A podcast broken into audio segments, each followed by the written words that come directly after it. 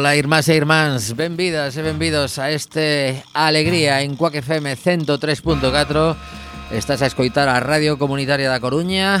Vivimos dentro do estudio José Couso. E hoxe sí que temos o equipo ao completo. Moi boas, Bea Ulalume, que tal? Ola, moi boa tarde, pois estupendamente. Millor ca o tempo que chove que non vexas. Sí, de feito aquí na Zapateira está a cousa que casi non temos visibilidade, normalmente contemplamos a cidade dende este monte e hoxe non se vía absolutamente nada.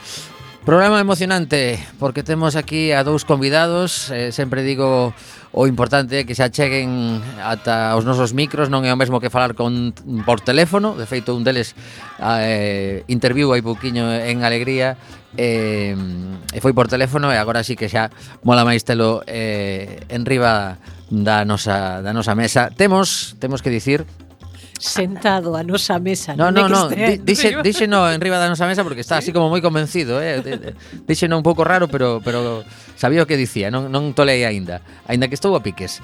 Bueno, eh, non se pode empezar este programa sin comentarlle a nosa audiencia que Mr. Bugalú está nos mandos técnicos e o señor Núñez Feijó decidiu que xa o día 5, eh, aí en pleno arranque de de vacacións de Semana Santa que para moita xente pois eh, será o momento de decidir votar por correo porque terían o mellor o, a viaxe organizada e a pregunta, a ver se si Mariano me sabe responder, que está moi metido neses temas, é Eu teño xa o meu billete para irme a Cancún durante a Semana Santa.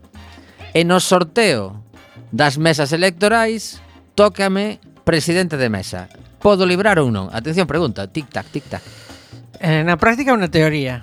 Na, na realidade, eu, na, onde vivimos aquí? En un mundo ver, paralelo ou que? Na, na, na, na teoría non é unha razón suficiente para escaquearse no, claro, día, un billete de mil euros pero con na, toda a familia. Pero na práctica, eh, digamos que non se non se fai moita causa dese tipo de asunto en principio. Non te mandan claro. a Guardia Civil a Cancún. Me voy de vacaciones non non é unha causa justificada, caballero. Home, a ver, si, si eu creo unha cousa que debería ter en conta a Xunta Electoral. Se si os billetes están mercados previamente á convocatoria, libras. Se os mercas despois en plan aguililla, ao mellor te fastidias. Bueno, Eh, eh, eh, Oi, Pero un segundiño, bueno, imos, Agora. imos presentar xa aos nosos convidados, aínda que imos falar con eles despois da primeira canción do día. Temos aquí a, a Jacinto Ruiz que quería comentar algo ao respecto. Ah, hombre, eh, tienes toda la razón. Si tus billetes son anteriores a la convocatoria, tú no eres culpable de la fecha. Aunque incluso, aunque fueran después, yendo a Cancún, yo creo que es. Sería un detalle. Bueno, e o noso outro convidado, Ramón Núñez Centella, que seguramente polo nome xa calquera persoa desta cidade sabe perfectamente de quen estamos a falar. Hola Ramón, que tal? Boas tardes. Bueno, pois temos eh, esa conversa tan tan chula dentro de uns minutiños porque eh, Jacinto aproveitou que agora Ramón ten máis tempo para conversar con el sobre eh, as catro casas para a ciencia que temos na cidade, que iso é moi rápido de dicir, pero o traballiño que deu. E iso imos falar despois da, da canción que temos preparada.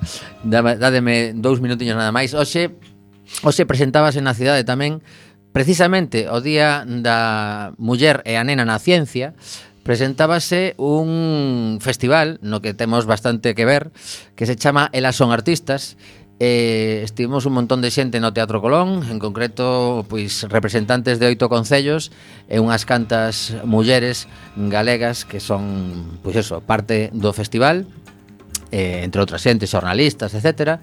E eh, mañá mesmo ese festival ten unha festa xa na Sala Mardi Gras cunha actuación dunha banda que chega dende Canadá ata a nosa cidade. Chámase By Water Call eh, xa escoitamos algunha das súas cancións, pero hoxe paga pena repetir este Arizona para escoitar o bozarrón que ten esta muller que se chama Megan Parnell.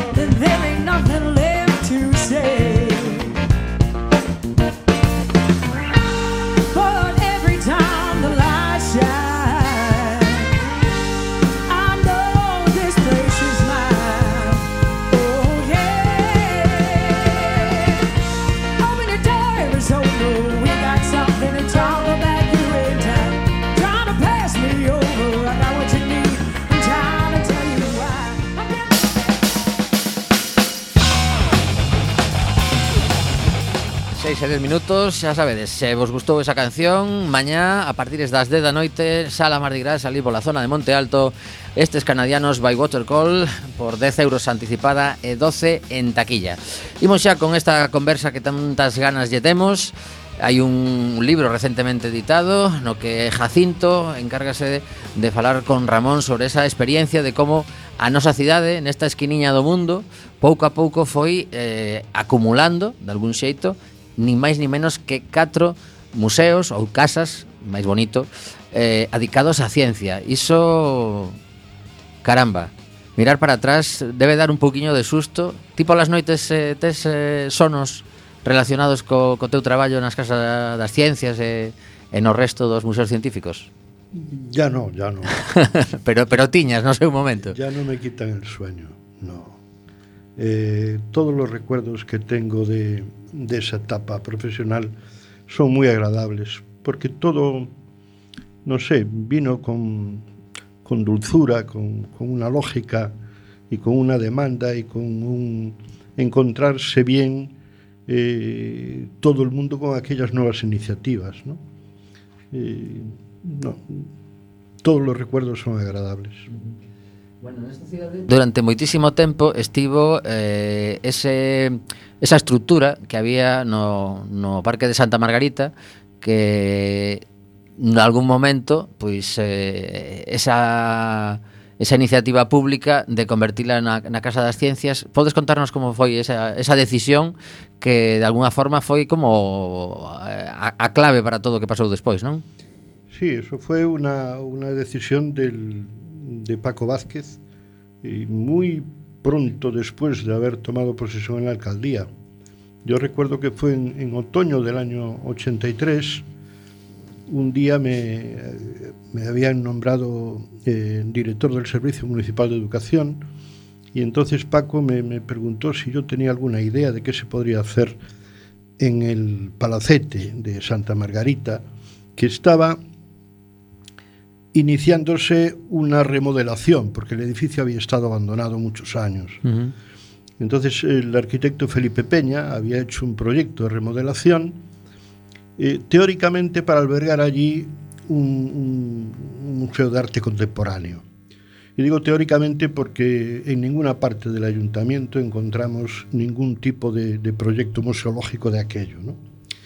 Pero bueno, se estaba rehabilitando el edificio. Y entonces, mmm, bueno, yo recordé una, anécdota que, tenía de un profesor de la Universidad de Nueva York que en el año 77 cuando había venido él en Navidades a Coruña, me había preguntado qué era aquel palacete. Y, yo le dije que no se sabía lo que era, lo que iba a ser, que había rumores de que si allí se podía montar un restaurante, de que si allí se podía montar la sede de, de la televisión española en Galicia, que si allí se podía montar, bueno, distintas cosas. Y, me dijo, como quien no quiere la cosa, ¿y por qué no le dices al alcalde que monte ahí un museo de ciencias? Claro, en el año 77 eh, todavía no había los ayuntamientos eh, democráticos y para mí un alcalde era una cosa lejanísima, no se me pasaba por la cabeza que yo me pudiera dirigir a un alcalde y muchísimo menos para decirle semejante cosa. Bueno, pues eso quedó ahí. El caso es que cuando Paco me lo preguntó, eh, ¿y, ¿y, por qué no, no, montamos ahí un museo de ciencias? Y, de allí surgió la primera idea. Entonces ahí surgieron dificultades de, muchos tipos, ¿no? Algunas administrativas mmm, serias. Yo recuerdo que lo primero que, que, dijo el secretario del ayuntamiento y el interventor que dijeron cuando dice, bueno, ¿y eso, hacer un museo de ciencias es una competencia municipal? eh, un clásico nos funcionarios que le, teñen ese cerebro cuadriculado. Podemos podemos dedicar a un museo de ciencias dinero de un ayuntamiento. Y a mí no se me ocurrió otra cosa que, que decirle, pero vamos a ver, no hay un presupuesto de cultura. O sea, el presupuesto de cultura se puede gastar en poesía, en un festival de cine, en una banda de música, en una exposición de pintura, de fotografía, en financiar un teatro, un ballet y tal, ¿y por qué no se puede gastar en una exposición de ciencia? o tema ese de é que non se fixera nunca antes tira moito, que, que ás veces é como, sí, bueno, non se fixo antes, pero é competencia. Es que, e, es que el, todo... el tema es precisamente eso, o sea que nunca, nunca ningún ayuntamiento de España se había gastado el dinero de cultura en algo científico. Uh -huh. En España había museos de ciencia municipales. En Barcelona había dos. Había un museo de, de zoología y un museo de geología. Pero, curiosamente, curiosamente no, pertenecían al área de patrimonio. ¿Por qué? Porque estaban vinculados a unas colecciones que eran patrimonio municipal. Entonces, no dependían del Ministerio, de- perdón, del presupuesto de cultura. Dependía del presupuesto de patrimonio, conservación del patrimonio. El ayuntamiento tiene estas colecciones, las conserva y tal, y de paso las expone. Entonces resulta que, que no, que no había sucedido y no había precedentes.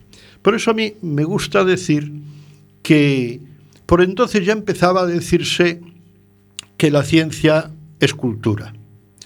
Pero eso eran palabras, palabras. Sea, como decía la canción aquella italiana, parole, parole, parole. Pero el día que el interventor del Ayuntamiento de Coruña firmó que una partida del presupuesto de cultura se dedicara a la ciencia, ahí es cuando la palabra se hizo carne. Caramba, sí, momento eso histórico. Sí, sí, sí, sí.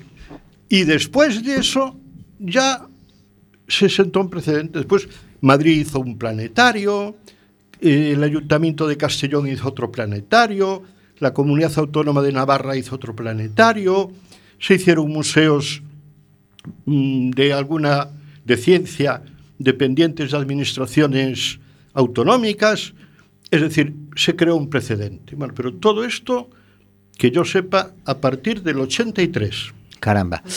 Bueno, Jacinto que estivo conversando horas e horas, supoño, con, con Ramón eh, e o plasma ne- neste libro eh, se que se tiveses que mm, contar algún momento crítico deses que, que estabas ti casi casi emocionado escoitando que nos contarías? Mira, a mí me parece que casi la génesis de, de esos cuatro museos está lleno de momentos críticos, no, pero emocionantes sí. Estaba mientras que Moncho estaba explicando, me estaba recordando la primera vez que, que Moncho me explica eh, que ese planetario que va mm, junto a la Casa de las Ciencias del Parque de Santa Margarita tuvieron que ir una embajada presidida por él a, a la Alemania Oriental, a la Alemania comunista y, y negociar en situaciones en las que todavía nuestro pasaporte decía para todos los países menos la URSS y satélites y, y algún detalle divertido por sumar a la ciencia detalles detalles anecdóticos creo que los muchachotes estos se fueron a una cervecería a tomar una cerveza y aprendieron lo que es la rentabilidad del tiempo pero casi prefiero que la cuente él porque A es ver. divertida A ver, a ver, a ver, Sí. esto de la rentabilidad del Bueno, tiempo. eso es una anécdota intrascendente, eh, pero curiosa. Yo lo que me, vamos, no, me gustaría que os imaginarais la ciudad de Jena. Jena es donde estaba la fábrica de, de Zeiss, que fue la- una firma de óptica que hacía la óptica más prestigiosa del mundo y es la que hizo el primer planetario del mundo. Bueno, pues eh, en esta ciudad, como dijo Jacinto, de la República Democrática Alemana, eh, fuimos un día de, de invierno, creo recordar, y, eso se hizo de noche enseguida, y salimos, íbamos el, el representante de Zeiss en España y yo, y paseando por las calles, pero me gustaría que la gente se imaginase unas calles en donde no hay comercios, no hay anuncios de neón, hay muy pocas farolas, una de cada 30 metros, y mucho frío. y, y todo en la oscuridad. O sea que no te apetece nada estar en la calle. Ujú. Por otra parte, tampoco había gente en la calle. Entonces, nos topamos con que en un sitio había un, una cervecería y entramos en la cervecería.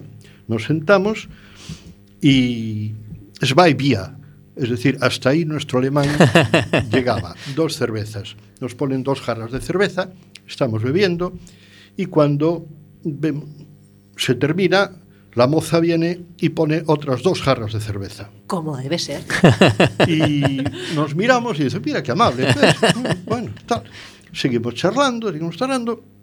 Y a mí todavía me quedaban como tres centímetros de, de la jarra y viene la moza y pone otras dos jarras de cerveza. Y digo, oye, oye, esto, pero habremos hecho algún gesto, algo así, pero nos haya traído y tal. Y al cabo de poco viene y dice, mire, ¿me pueden pagar? Y dice, ¿pero qué pasa? Eh, es que esto no los habíamos pedido. No, no, mire, me tienen que pagar porque el turno cambia. Y la norma de la casa es que hay que hacer una consumición cada media hora. Ah, vale, vale, vale. Caramba. O sea que ustedes pueden tomarla o no, pero yo se la sirvo. y cada media hora pues tienes ahí... Vale, vale, vale. ya no puede estar una cafetería con un café toda la tarde leyendo el periódico. No cuela, no cuela, claro. Esta, esta xente alemana, pois, pues, eh, hai que optimizar aí a rentabilidade do tempo, non? O que xa, sí, tiempo y demuestra lo que es un pueblo ahorrador, claro. Uh -huh. Por eso los alemanes tienen dinero. Bueno, sí, sí. na República Checa, ata que non tapas a jarra cun posavasos que te ponen debaixo, é eh, así todo o rato, eh? tamén alimentan, alimentante permanentemente se non o sabes acabas mal. No, acaba... todo que se aprende viaxando eh? sí, sí, é, é fundamental. Está clarísimo que, que viaxar é fundamental. Eh, é unha viaxe é a que se pode facer por eses catro museos dos que estamos a falar. Por agora aínda estamos no primeiro, así que imaginade a, a cantidad de historias que, que podíamos contar aquí. Eh, Bueno, outro día conversando con, con Jacinto Cando lle comentei que eu fun un dos nenos afortunados Que estiven na, na inauguración Porque fora un, un sorteo que se fixera nos colexios da cidade Íamos dous de cada cole Eu era representante de sétimo de XB e había unha rapaza que lle tocou de octavo de XB e, e lembro perfectamente que cando chegamos ali e aparte, bueno, típico protocolo porque viñan os, os reis e as infantas eh, quen decidiu que había que poñer o ceo tal como estaba o día que naceu o actual rei, Felipe VI? Eso como foi? É que lo decidí no eu. Ah, mira, Pero que, o que ti non sabes se cadra. Non, se, cadra, seguro no que non. Sí. Eh, por que estivechedes vos ali? Pois non.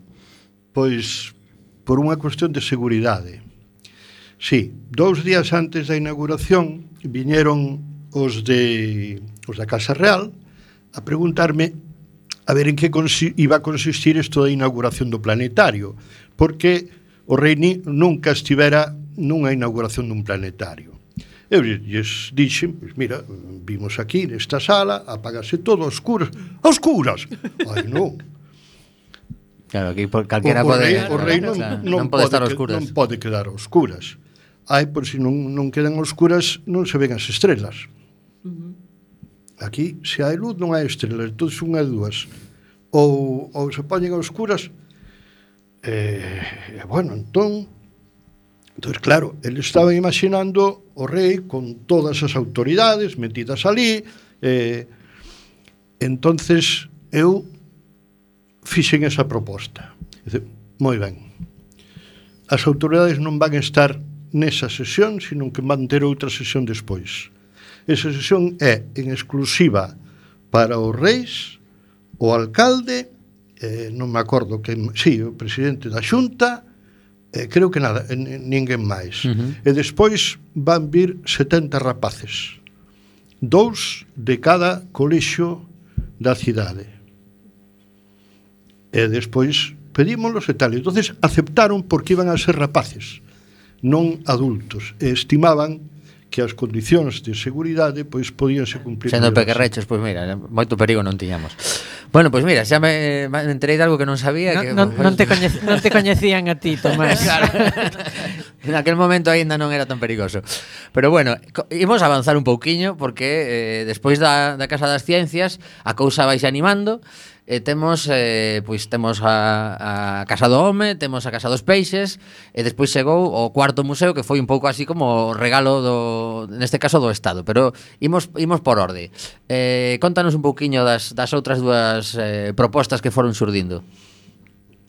Bueno, a Domus mm, xurdiu Ca, cando se fixo a Domus xa andaba por aí a, a, a idea de facer unha, unha casa dos peixes O que pasa é que a mí non acababa de convencerme eh, no solar donde hoxe está Domus porque non me parecía grande da bondo. Ajá. E por outra banda, non me gustaba que estuvera dese lado do paseo marítimo. Eu imaginaba que a Casa dos Peixes tiña que estar pegada ao mar, directamente pegada ao mar. Complicado, né? Entón, eh, pois eso, dándolle volta aquí imos montar bueno, a historia é, é moi longa pero está contada no libro non?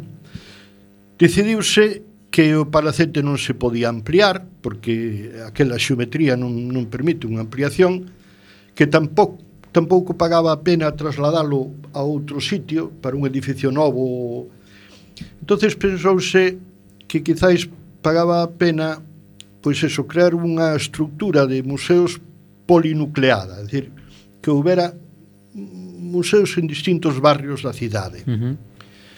Entón, vale, imos facer un, pois aquí en, en, en Monte Alto. Eh, que temos que facer para darlle identidade? Para darlle identidade fixemos dúas cousas.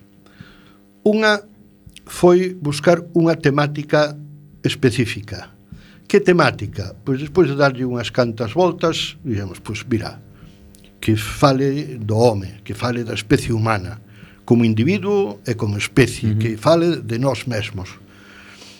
E despois, a segunda clave de identidade, imos facer un edificio singular, por un arquitecto que teña fama internacional. E por qué?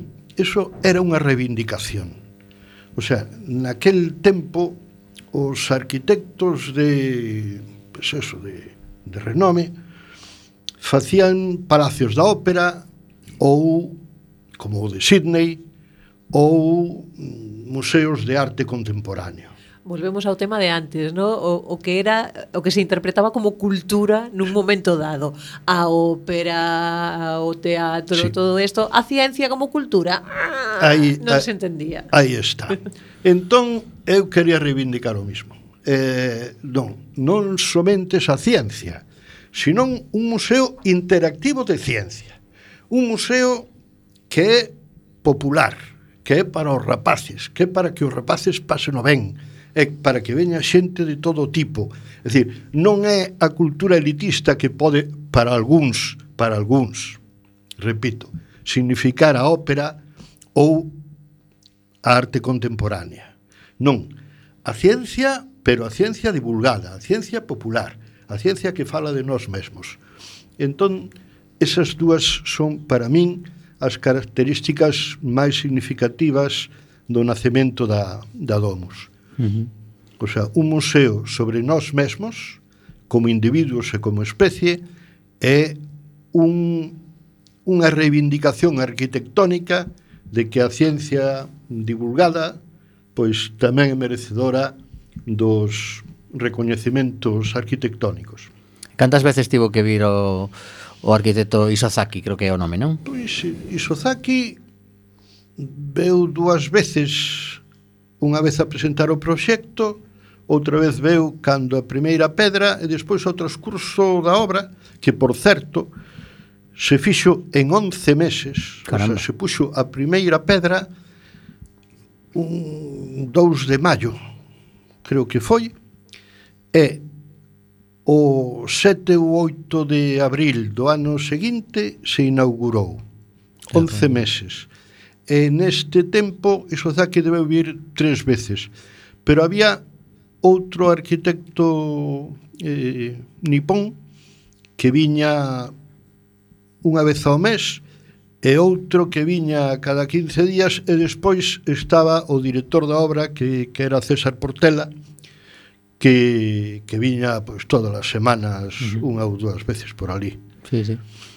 Pois a verdade é que, caramba, co pedazo de edificio que é, non, non parece sinxelo nin construílo, nin, nin a verdade é que se está, se está conservando moi ben, sobre todo a, a fachada marítima, que xa sabemos todos que en, en Coruña non é nada doado a conservación polo, polo salitre. Xa, xa o creo.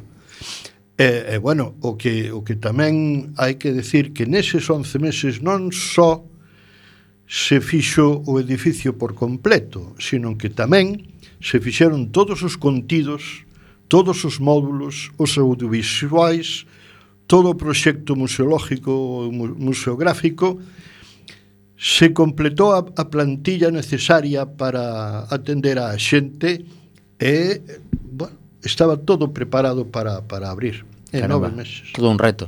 E nove, once, once, once. Sí, sí, sí. Once meses. Bueno, pois pues, a verdade é que, que é emocionante escoitar todo isto que como, como evolucionou a cidade. Non sei eh, se, se no libro tamén falades de, de algún xeito de como, como nos ven por, por xente que, que visita mm, científicos e persoas que veñen ao mellor por temas da universidade xente que, que visita a nosa cidade mm, de algún xeito sentirán envexa do, do que se logrou aquí, non? Yo, yo creo que sí, yo creo que sí. En este momento eh, La Coruña es la única ciudad de España que tiene tres museos municipales dedicados a, a la ciencia y uno, uno nacional. Y los principales eh, divulgadores de la ciencia y gente eh, muy especializada ha convertido a La Coruña y los museos de Moncho en el epicentro de, de- de la divulgación de, de la ciencia y de la cultura desde Toaria hasta Humberto Eco. Eh, La Coruña y sus museos han salido en casi todas las publicaciones y libros y es una, es una auténtica referencia. Uh -huh. Pois eh, xusto esta pasada semana tiven a sorte de presentar un videoclip Tivemos, porque Mariano tamén estivo con Con unha, unha artista coruñesa que se chama Silvia Penide Presentou o seu último videoclip na, na Casa dos Peixes E baixamos con ela a cantar un par de cancións E, e un mariñeiro que foi o creador da imaxe na que está baseada o videoclip que Xosé Iglesias que eh, mm, debuxa cachalotes e outros animais mariños que se van transformando ao longo das láminas que son apaisadas en barcos que a él a súa a súa imaginación, despois vos ensino unha, a súa a súa imaginación vai no eh transformando, e a verdade que é unha unha chulada. Estivemos ali e precisamente comentábamos que ben integrado e que gran idea foi esa sana Nautilus que, que é como como meterse nun mundo paralelo, non? En un submarino. Es que es que es muy fácil porque es realidad. O sea, la sala Nautilus es un, un espacio que está metido dentro del mar en la costa. O sea, las rocas que se ven Uh -huh. son rocas de la costa de la península de la Torre. O sea, solo por un lado está cerrado con bloques de piedra, pero el resto de la allí no hay roca artificial, son rocas naturales, o sea, de verdad que estás dentro del mar. Sí, sí, sí. Entonces, eh, claro, esas posibilidades, esa posibilidad de, de hermanamiento entre el acuario y el océano, en donde el acuario se mete en el océano, como es en el Nautilus, y otras veces el océano se mete en el acuario, como es la piscina de las focas. Uh -huh. Hay eso, una hibridación entre, entre el edificio con el mar, y eso le da una identidad extraordinaria.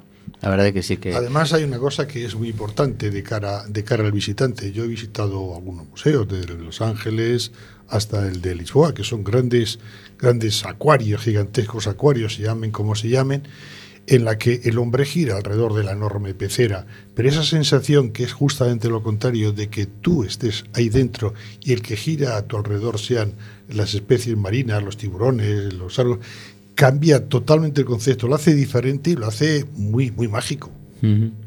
Sí, a verdade é que incluso eso, toda que localizar todas esas imaxes relacionadas con 20.000 lenguas de, de viaxe submarino, eso foi un, un traballiño caramba, non? Moi divertido. eso foi un traballo moi divertido.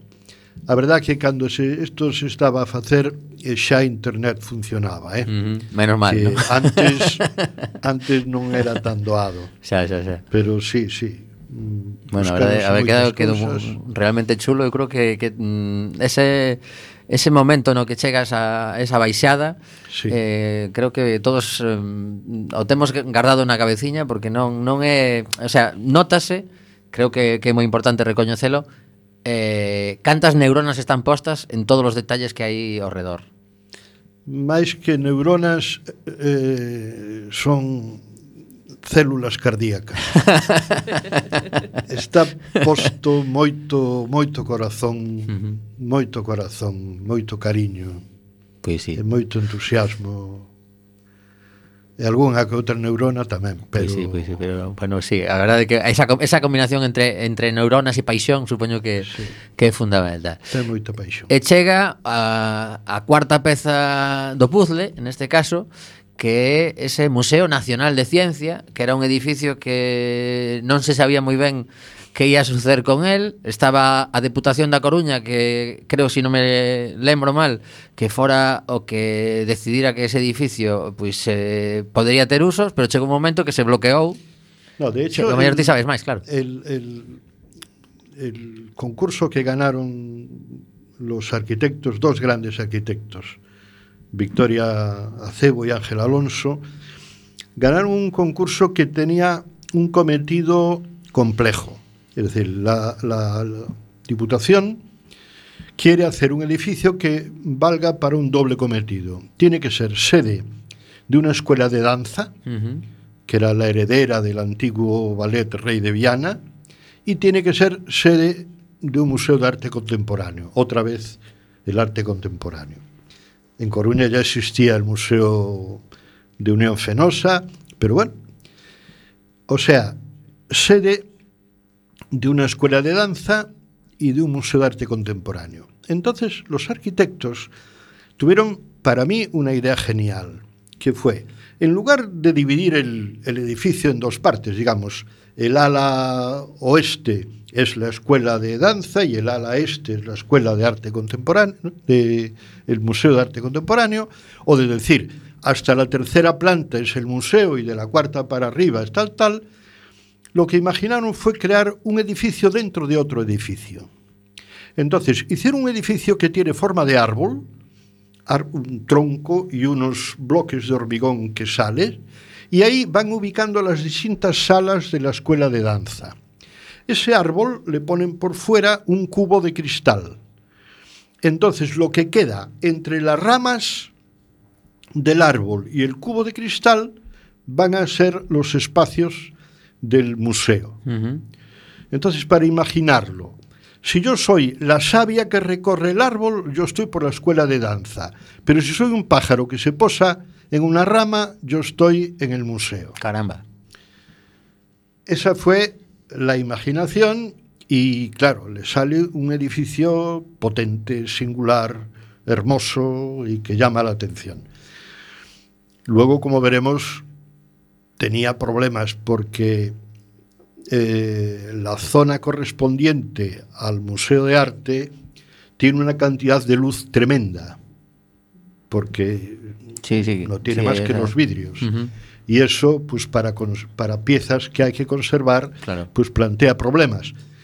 Pero aquella idea era genial. Total, que como resulta que parece que los de la escuela de danza no querían ir para allí, y como tampoco estaba claro eh, qué piezas de arte contemporáneo podían ir para allí, pues cambia la presidencia de la Diputación y tal, tal, y cuando el presidente Zapatero mm, dice que el Museo Nacional de Ciencia y Tecnología, que aunque llevaba mm, creado por, por Real Decreto Ley 20 años, Caramba. todavía no tenía sede, pues dice, bueno, pues, pues que venga para Coruña. Y esto está contado con detalle en el libro. Y entonces el presidente de la Diputación, que era Salvador Fernández Moreda, dice, "Eh, que nosotros tenemos aquí este, este edificio. Este edificio puede valer para eso.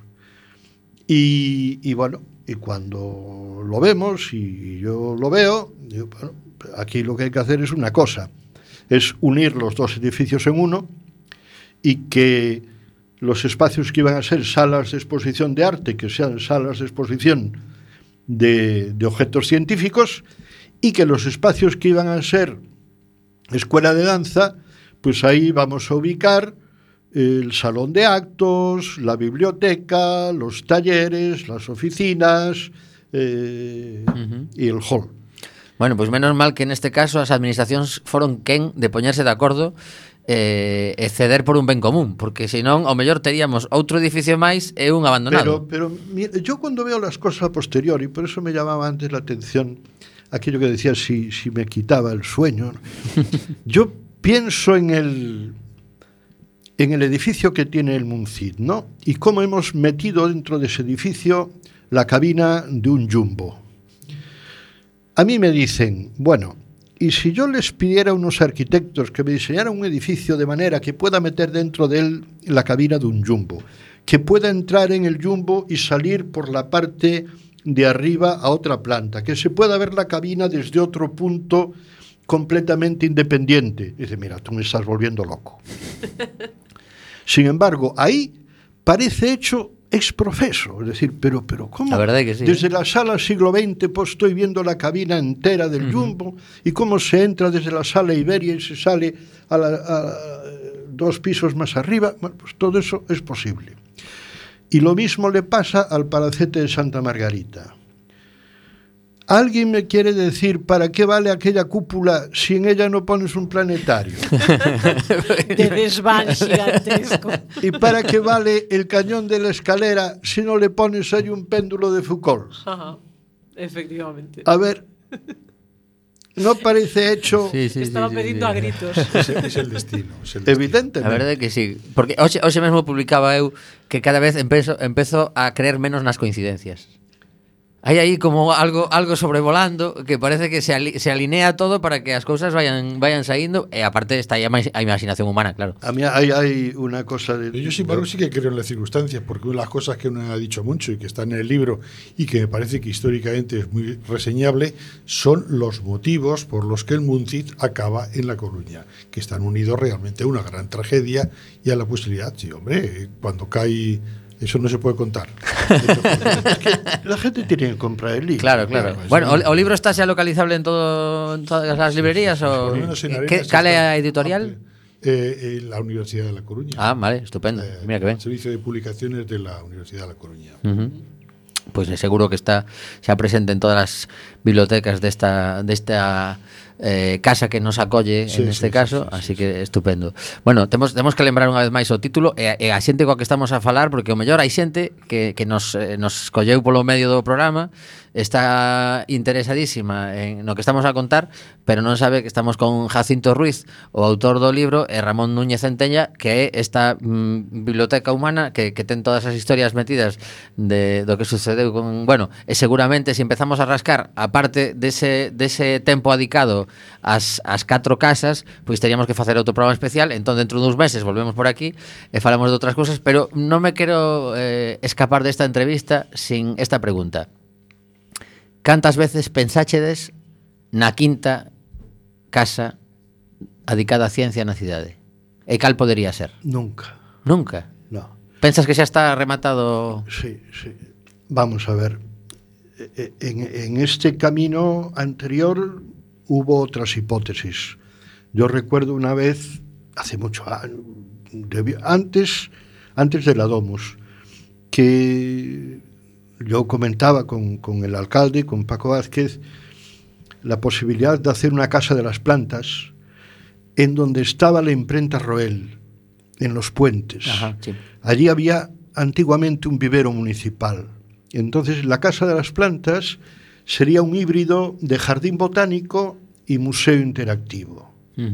Entonces esa idea pues se manejó. También en algún momento, antes de que llegara el Museo Nacional, mm, hablamos de la Casa de los Inventos. Y, y una de las ubicaciones posibles era la antigua cárcel. Pero tampoco no cuajó y luego eso se lo comió el, el Museo Nacional, claro, porque de facto pues, pues viene siendo lo mismo. Ahora yo no, no me un imagino museo que en relacionado Coruña, coa, coa navegación eh, vamos a ver, ideas sí puede haber muchas. Lo que no puede haber ahora, hablando de una paternidad responsable, eh, es capacidad mm, para mantener eso económicamente. Mm, No se puede. O sea, tenía que entrar seguramente a iniciativa privada o mecenazgo do que se fala moito que sí, o mellor pero... cubrirse, porque ti entras, por exemplo, no Museo do Prado e ves aí todos os logotipos de grandes empresas que aportan cartos para que se manteña. Sí. Tería que ser algo así para, para que fose unha realidade, un, un novo sí. museo e non, non afectase demasiado as arcas municipais, non?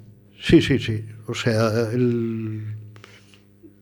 cuesta mucho dinero en, en mantenimiento el, el tener abierto una institución de estas. Luego, vamos, lo- los estándares son que este tipo de instituciones se autofinancian entre un 25 y un 30%. El resto, pues, tiene que ir a cargo de la administración en los países en donde eso es así, en los países de economías liberales, pues como tú dices, o sea, eh, basado en un mecenazgo, pero un mecenazgo que está muy gratificado fiscalmente, Claro. Porque si no, no hay, no hay tutía. Y, y bueno, mm, eso es lo que hay. Yo hoy no me imagino, eh, con las dificultades que se están pasando ahora, que Coruña pudiera cometer un museo más con, con dinero público.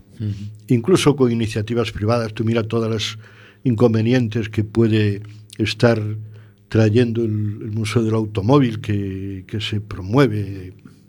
y es... hai que ser realistas. Es duro, sí. Uh -huh.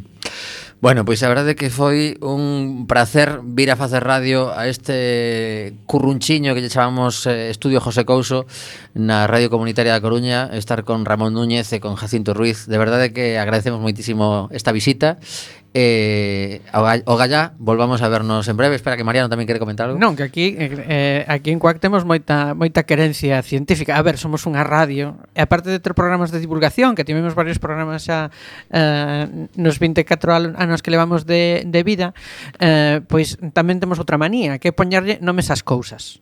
Non? E de feito, temos eh, seis eh, despachos, seis habitáculos, e cada un ten o seu nome. E dos seis dous teñen nome de persoas que eran científicas. Quero dicir, temos un estudo de prácticas Nikola Tesla, porque, mm, a ver, eh, Eh, Marconi, sí, era bo rapaz, pero pero mm, nos atribuímos a, a Nikola Tesla o mérito do, do invento deste trebello e logo o noso centro de, de datos leva o, o nome de Eva, Mari, Eva María Kessler, máis coñecida por todo o mundo como Edi, como Hedy Lamar, por la súa faceta de actriz, pero que foi unha científica que, que fixo que fixo moito e puxo os fundamentos do que agora, por exemplo, usamos para facer a wifi, non? Eh, E, e, a min me chamou moito da, da, da entrevista unha cousa eh, esa relación entre cultura e ciencia. E, teño aquí unha pregunta sobre eh, vivimos nun mundo eh, cheo de tecnoloxía baseada en ciencia.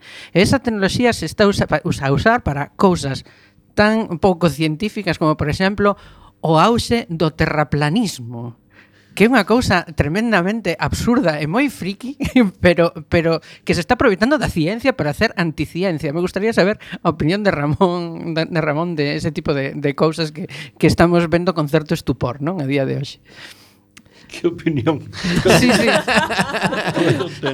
Había que poñer a cara del unha fotografía sí. Estaba pensando agora mesmo é unha pena que fagamos radio tío en lugar de tele porque a, a cara de Ramón patético. dicía todo de que me estás contando. Me parece patético, o sea, eh, se dice, creo que es cierta, eh, que, que Einstein dijo una vez que solo estoy eh, seguro de dos cosas infinitas, el universo y la estupidez humana. Del universo no estoy seguro. seguro.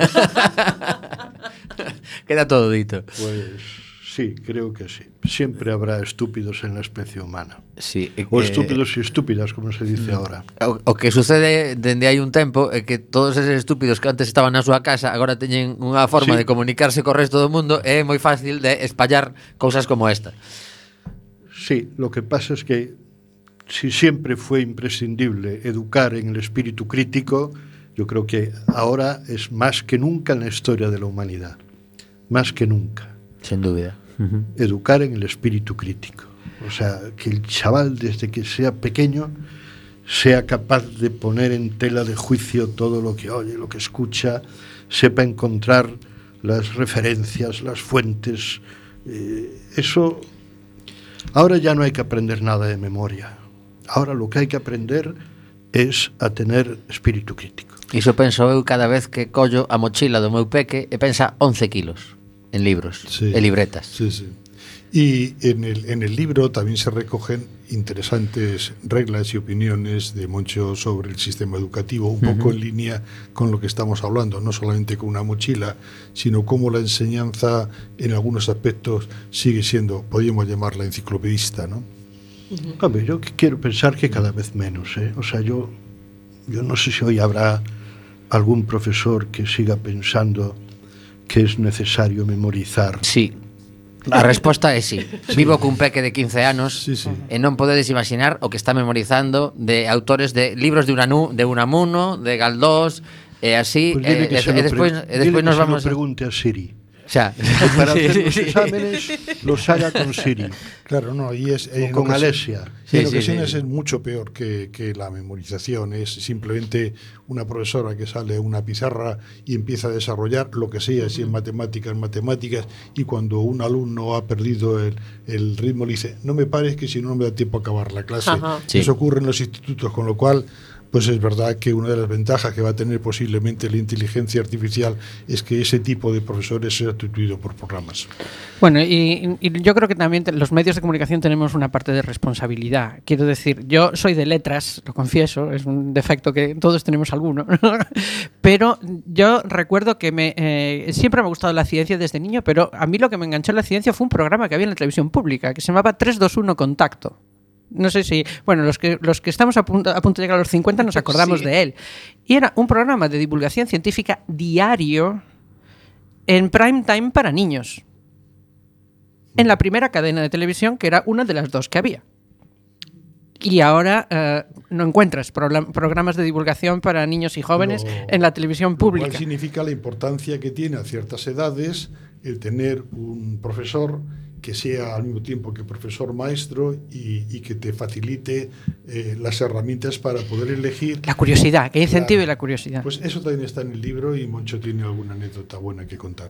Cuatro casas para la ciencia, eh, é o libro que tedes que buscar, e seguro que ímolo disfrutar porque eu comprométome a, este verán, porque antes xa digo que non teño tempo, este verán vou ler Cuatro casas para la ciencia, Jacinto, Ramón, moitísimas grazas unha vez máis e eh, aquí está a vosa quinta ou sexta, mellor sexta, sexta, sexta sin, con, sin contar as da familia, as do veraneo, sétima casa, coa que feme. Moitísimas grazas. Muchas gracias a ti. Gracias. Escoitamos un minutiño de música con Ainhoa Buitrago eh, Os tres que nos quedarán para rematar Pois lle digo a Bea que seleccione algunha econova chula A ver, bueno Veña, veña, veña. ¿Le damos?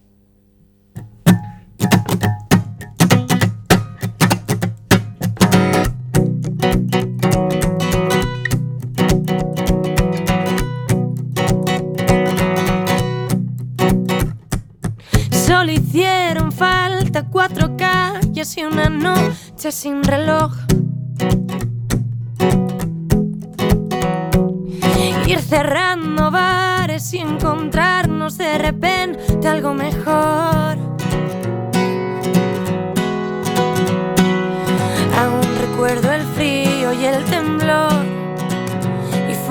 El culpable de todo lo que siguió. Ven, dispárame otra vez, quiero continuar saltando al vacío en cada latido y el mar, tan lejos, tan viva, tan cerca y abismal, estar de vacaciones sin salir de la ciudad.